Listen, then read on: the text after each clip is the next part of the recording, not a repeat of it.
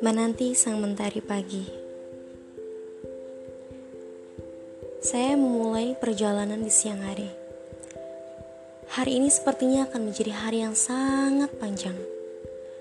Bagaimana tidak? Saya harus melakukan perjalanan tanpa arah dan tujuan. Salah memang. Tapi inilah yang dilakukan kebanyakan orang. Mencari sebuah jawaban tanpa tahu persoalan. Untungnya, kita masih diberkahi dengan usia muda. Dengan begitu, kita bisa habiskan jatah kegagalan di sana. Tapi kadang kita terlena, merasa masih muda, dan kita melakukan banyak hal yang sia-sia. Dan itu membuat kita lupa bahwa orang tua yang gagal hidupnya dulunya juga pernah muda dan melakukan kesalahan yang sama.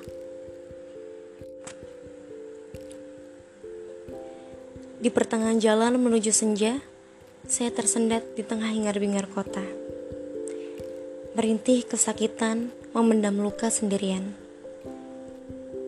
Di titik terendah ini, terasa tidak ada yang peduli. Tapi seketika sadar bahwa Allah tidak memberikan cobaan di atas kemampuan seperti yang sudah tertulis di Al-Quran.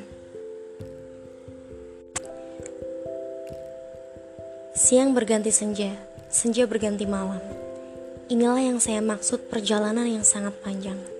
Alih-alih mendapat jawaban, eh malah menemukan persoalan. Dan kali ini harus dijawab dengan benar.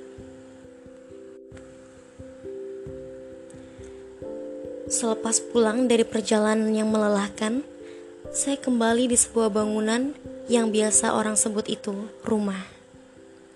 Kata orang, rumah adalah istana yang paling nyaman untuk beristirahat. Tapi saya tidak mendefinisikan rumah seperti kebanyakan orang. Saya mengartikan lebih dari sekedar itu.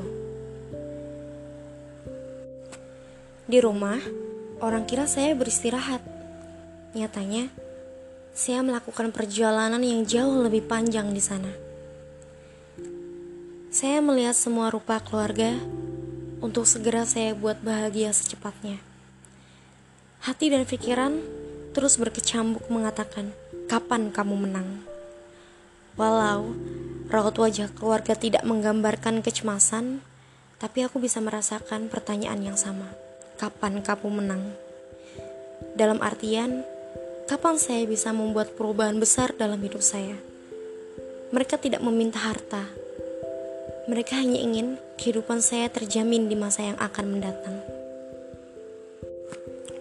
Waktu sudah menunjukkan pukul 12 malam.